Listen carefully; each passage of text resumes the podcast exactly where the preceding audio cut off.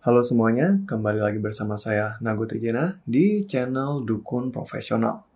Tempat di mana kita berdiskusi dan membahas berbagai topik seputar psikologi, supernatural, dan yang lainnya.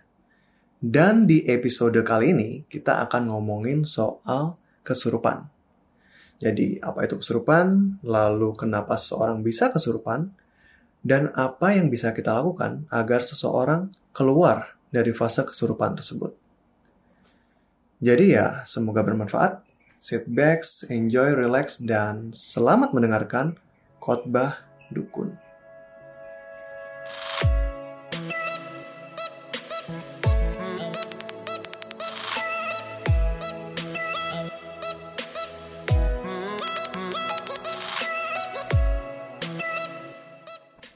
Kesurupan, ya, itu suatu hal yang sudah kayak apa ya? Sarapan sehari-hari kita yang tinggal di Indonesia ini. Jadi mungkin karena budaya kita yang masih kental ya dengan berbagai kepercayaan hal yang mistis dan lainnya, kesurupan ini sering terjadi di lingkungan kita.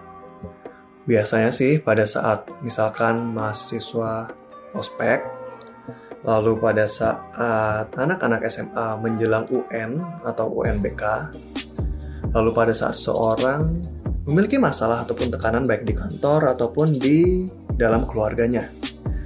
Nah, sebenarnya apa sih kesurupan ini gitu loh? Mungkin kalian juga sudah tahu ya kalau banyak istilah ataupun penjelasan dalam medis yang bisa membantu kita memahami apa itu kesurupan. Ada yang mengatakan itu dissociative transit order atau ada yang bilang mereka mengalami possession disorder atau depersonalization, derealization, dan yang lainnya. Nah, tapi dalam khotbah kali ini saya akan mencoba menjelaskannya secara langkah demi langkah untuk bisa memahami apa yang kita sebut dengan nama kesurupan. Nah, jadi kalau dalam ilmu psikologi, itu kesurupan itu ditelusuri dengan teori disosiasi. Nah, jadi kita nih, manusia memiliki banyak aspek dalam pikiran kita. Dari memori, persepsi, perasaan, sense of identity, dan lainnya. Dan itu diikat menjadi suatu sense of self yang kita miliki dan kita pahami tentang diri kita. Nah, tapi pada saat disosiasi, ikatan ataupun integrasi ini mulai terlepas. Jadi akan hilang koordinasi antara pikiran kita, ingatan kita, perasaan kita, dan perilaku kita sehingga kita mulai terlepas secara sementara dengan realita yang ada di lingkungan kita.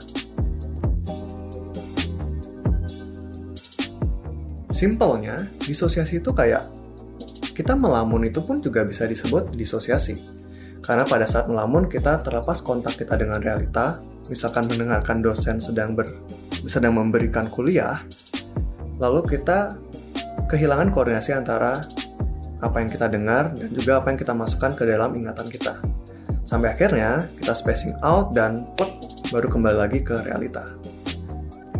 Selain melamun, juga out of body experience itu juga termasuk yang kayak waktu kita mau tidur, lalu kayak perasaannya ada sesuatu yang keluar dari tubuh ini, out of body experience kita keluar, kita melayang, itu juga termasuk disosiasi, lalu juga amnesia, itu termasuk disosiasi, dan kesurupan Nah, tapi gimana sih kok suatu peristiwa disosiasi bisa dianggap kesurupan? Itu kembali ke bagaimana lingkungan kita mempersepsikan fenomena tersebut. Jadi kita sebagai manusia secara instinktual dan mungkin budaya percaya bahwa manusia itu dikontrol oleh jiwa jadi yang berbicara seperti ini, yang memiliki ekspresi pikiran ataupun perasaan seperti ini, yang berperilaku seperti ini, merupakan ekspresi dari ataupun manifestasi dari jiwa dalam diri seorang. Jiwa yang berbeda dan terpisah dari fisik dan tidak bisa diukur secara nyata.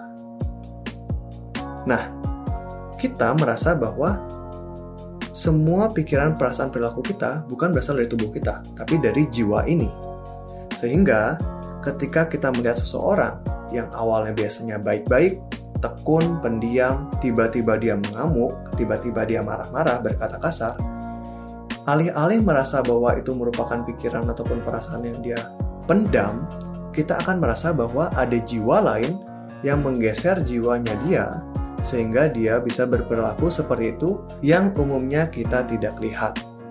Oleh karena itu, kita menganggap bahwa dia kesurupan. Ada jiwa lain yang masuk ke dalam diri dia. Nah, apa sih faktor kenapa sih seorang bisa kesurupan? Baik dari lingkungan ataupun dari diri dia sendiri. Kalau dari lingkungan, kebanyakan ketika kita berada pada situasi yang menekan. Contohnya nih, pada saat lingkungan tuh gelap, suasana gelap, kita yang manusia yang menggunakan mata kita sebagai alat indera penggali informasi utama akan mudah merasa terancam kalau lingkungan gelap. Selain itu, kalau lingkungan kita juga sepi ataupun tidak ada orang lain di sekitar kita. Tidak ada orang lain di sekitar kita membuat kita terancam, terkadang ada orang lain pun membuat kita terancam. Misalkan waktu ospek senior kita, atau ketika orang tua kita marahi kita, atau guru kita. Jadi, itu akan membentuk situasi yang menekan, dan tekanan emosional inilah yang membuat integrasi kita terurai. Itu dari lingkungan. Bagaimana dengan dari dalam diri kita sendiri? Orang yang biasanya mengalami kesurupan, biasanya memang pernah mengalami pengalaman traumatis lainnya dalam hidupnya, selain yang dihadapi pada saat itu juga. Misalkan dia pernah mengalami bullying waktu kecil ataupun mengalami sexual abuse yang lainnya. Pada saat ia masih berada dalam sorry, pada saat ia sendiri masih belum matang dan belum mampu untuk mempertahankan dirinya. Nah, berhubungan juga, orang yang mudah kesurupan merupakan orang yang memiliki kerentanan di ego functionnya. Itu istilah jadul. Kalau istilah modernnya mungkin Cognitive Executive Functionnya. Jadi bagaimana seorang memiliki kapabilitas untuk memahami situasi lingkungannya, menganalisa permasalahan lainnya, mengevaluasi problem solvingnya, lalu bagaimana dia meregulasi emosi yang bergejolak dalam dirinya. Jika seorang memiliki kerentanan dalam fungsi-fungsi ini, akan membuat ia semakin mudah untuk kesurupan. Dan selain itu ya, mungkin juga faktor budaya ya. Jadi kayak kalau kita tinggal di lingkungan dan memiliki background budaya yang cukup percaya dengan hal-hal yang mistis, ada makhluk lain, apalagi kita tahu tuh makhluknya itu apa aja, ya itu bisa membuat kita mudah untuk kesurupan. Nggak cuma budaya-budaya tradisi aja, tapi sejenis pop culture, sejenis movie-movie atau film, bioskop horor yang lainnya, ataupun kalau kalian sering nonton youtuber-youtuber hantu yang biasa menjejali kita dengan konten berbagai banyak jenis hantu yang ada di lingkungan kita.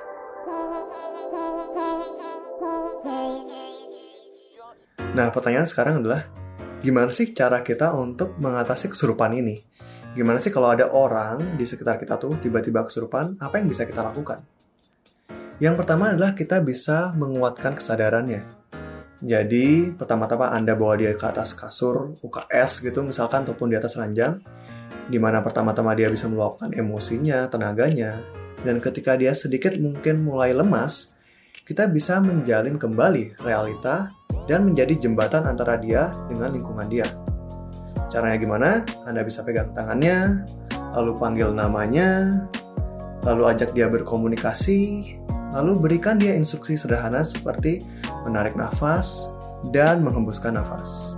Kalau dia sudah mulai bisa mengikuti instruksi kita, kita bisa mulai mendudukkan dia, meminta dia untuk membuka matanya, lalu kita bisa mulai berinteraksi dia secara sederhana. Mungkin misalkan seperti kayak brain gym, minta dia untuk mengepalkan tangannya seperti ini, lalu mengajak dia untuk menepuk tubuhnya secara perlahan, dan juga mengajak dia berbicara tanya ini angka berapa, dan seterusnya. Lakukan kontak mata dengan dia. Nah, ketika itu, akhirnya dia pun akan bisa regain composure ataupun kembali stabil. Dan dia bisa kembali menjalani hidupnya seperti biasa. Tapi, ada aspek kedua yang perlu kita perhatikan agar dia tidak kesurupan. Yaitu dengan tidak mereinforce kondisi kesurupan itu ataupun tidak memberikan apa ya istilahnya hadiah untuk dia yang mengkonfirmasi kesurupan itu benar-benar ada. Contoh satu, jangan pernah tanya siapa yang merasuki diri dia, karena itu akan memaksa dia untuk membentuk identiti baru ataupun jiwa baru yang memang benar-benar masuk ke dalam dirinya, alih-alih mengakui bahwa memang itu kondisi dia yang sedang tidak stabil. Yang kedua, tentu saja kita tidak boleh mengkonfirmasi ketika dia sudah tenang lagi, kita tidak boleh mengkonfirmasi kalau dia memang kesurupan. Oh, saya tadi lihat ada sinar yang memang memasuki tubuhmu, sehingga dia benar-benar merasa kalau dia dirasuki oleh roh leluhurnya ataupun apa pun itu gitu loh. Dan yang terakhir, yang ketiga adalah usahakan untuk membatasi perhatian yang kita berikan kepada dia. Jadi memang dia sedang tidak stabil dan kita perlu memperhatikan dia agar dia tenang, namun jangan terlalu mengurubungi dia dengan 20 orang lalu menuruti segala keinginan dia waktu dia kesurupan, lalu benar-benar memberikan dia afeksi yang berlebihan dari fenomena barusan. Karena kita manusia merupakan makhluk yang cukup haus dengan afeksi di lingkungan kita. Sehingga ketika kita melakukan perilaku yang sebenarnya tidak dibenarkan pun, asal kita mendapatkan feedback positif dari perhatian lingkungan kita pada saat setelah melakukannya, kita akan cenderung mengulang lagi perilaku seperti itu. Oke, mungkin segitu aja yang bisa saya sharekan mengenai kesurupan ini sesuai apa yang saya tahu. Jika Anda memiliki pendapat ataupun sudut pandang lain, bisa tuliskan di komen, bagian komen kalau di video di YouTube, atau kalau kalian mendengarkan ini melalui podcast, kalian bisa mention saya di Twitter saya @nagotejena. Semoga apa yang saya ceritakan ini membantu kalian dan sampai jumpa di khotbah dukun berikutnya.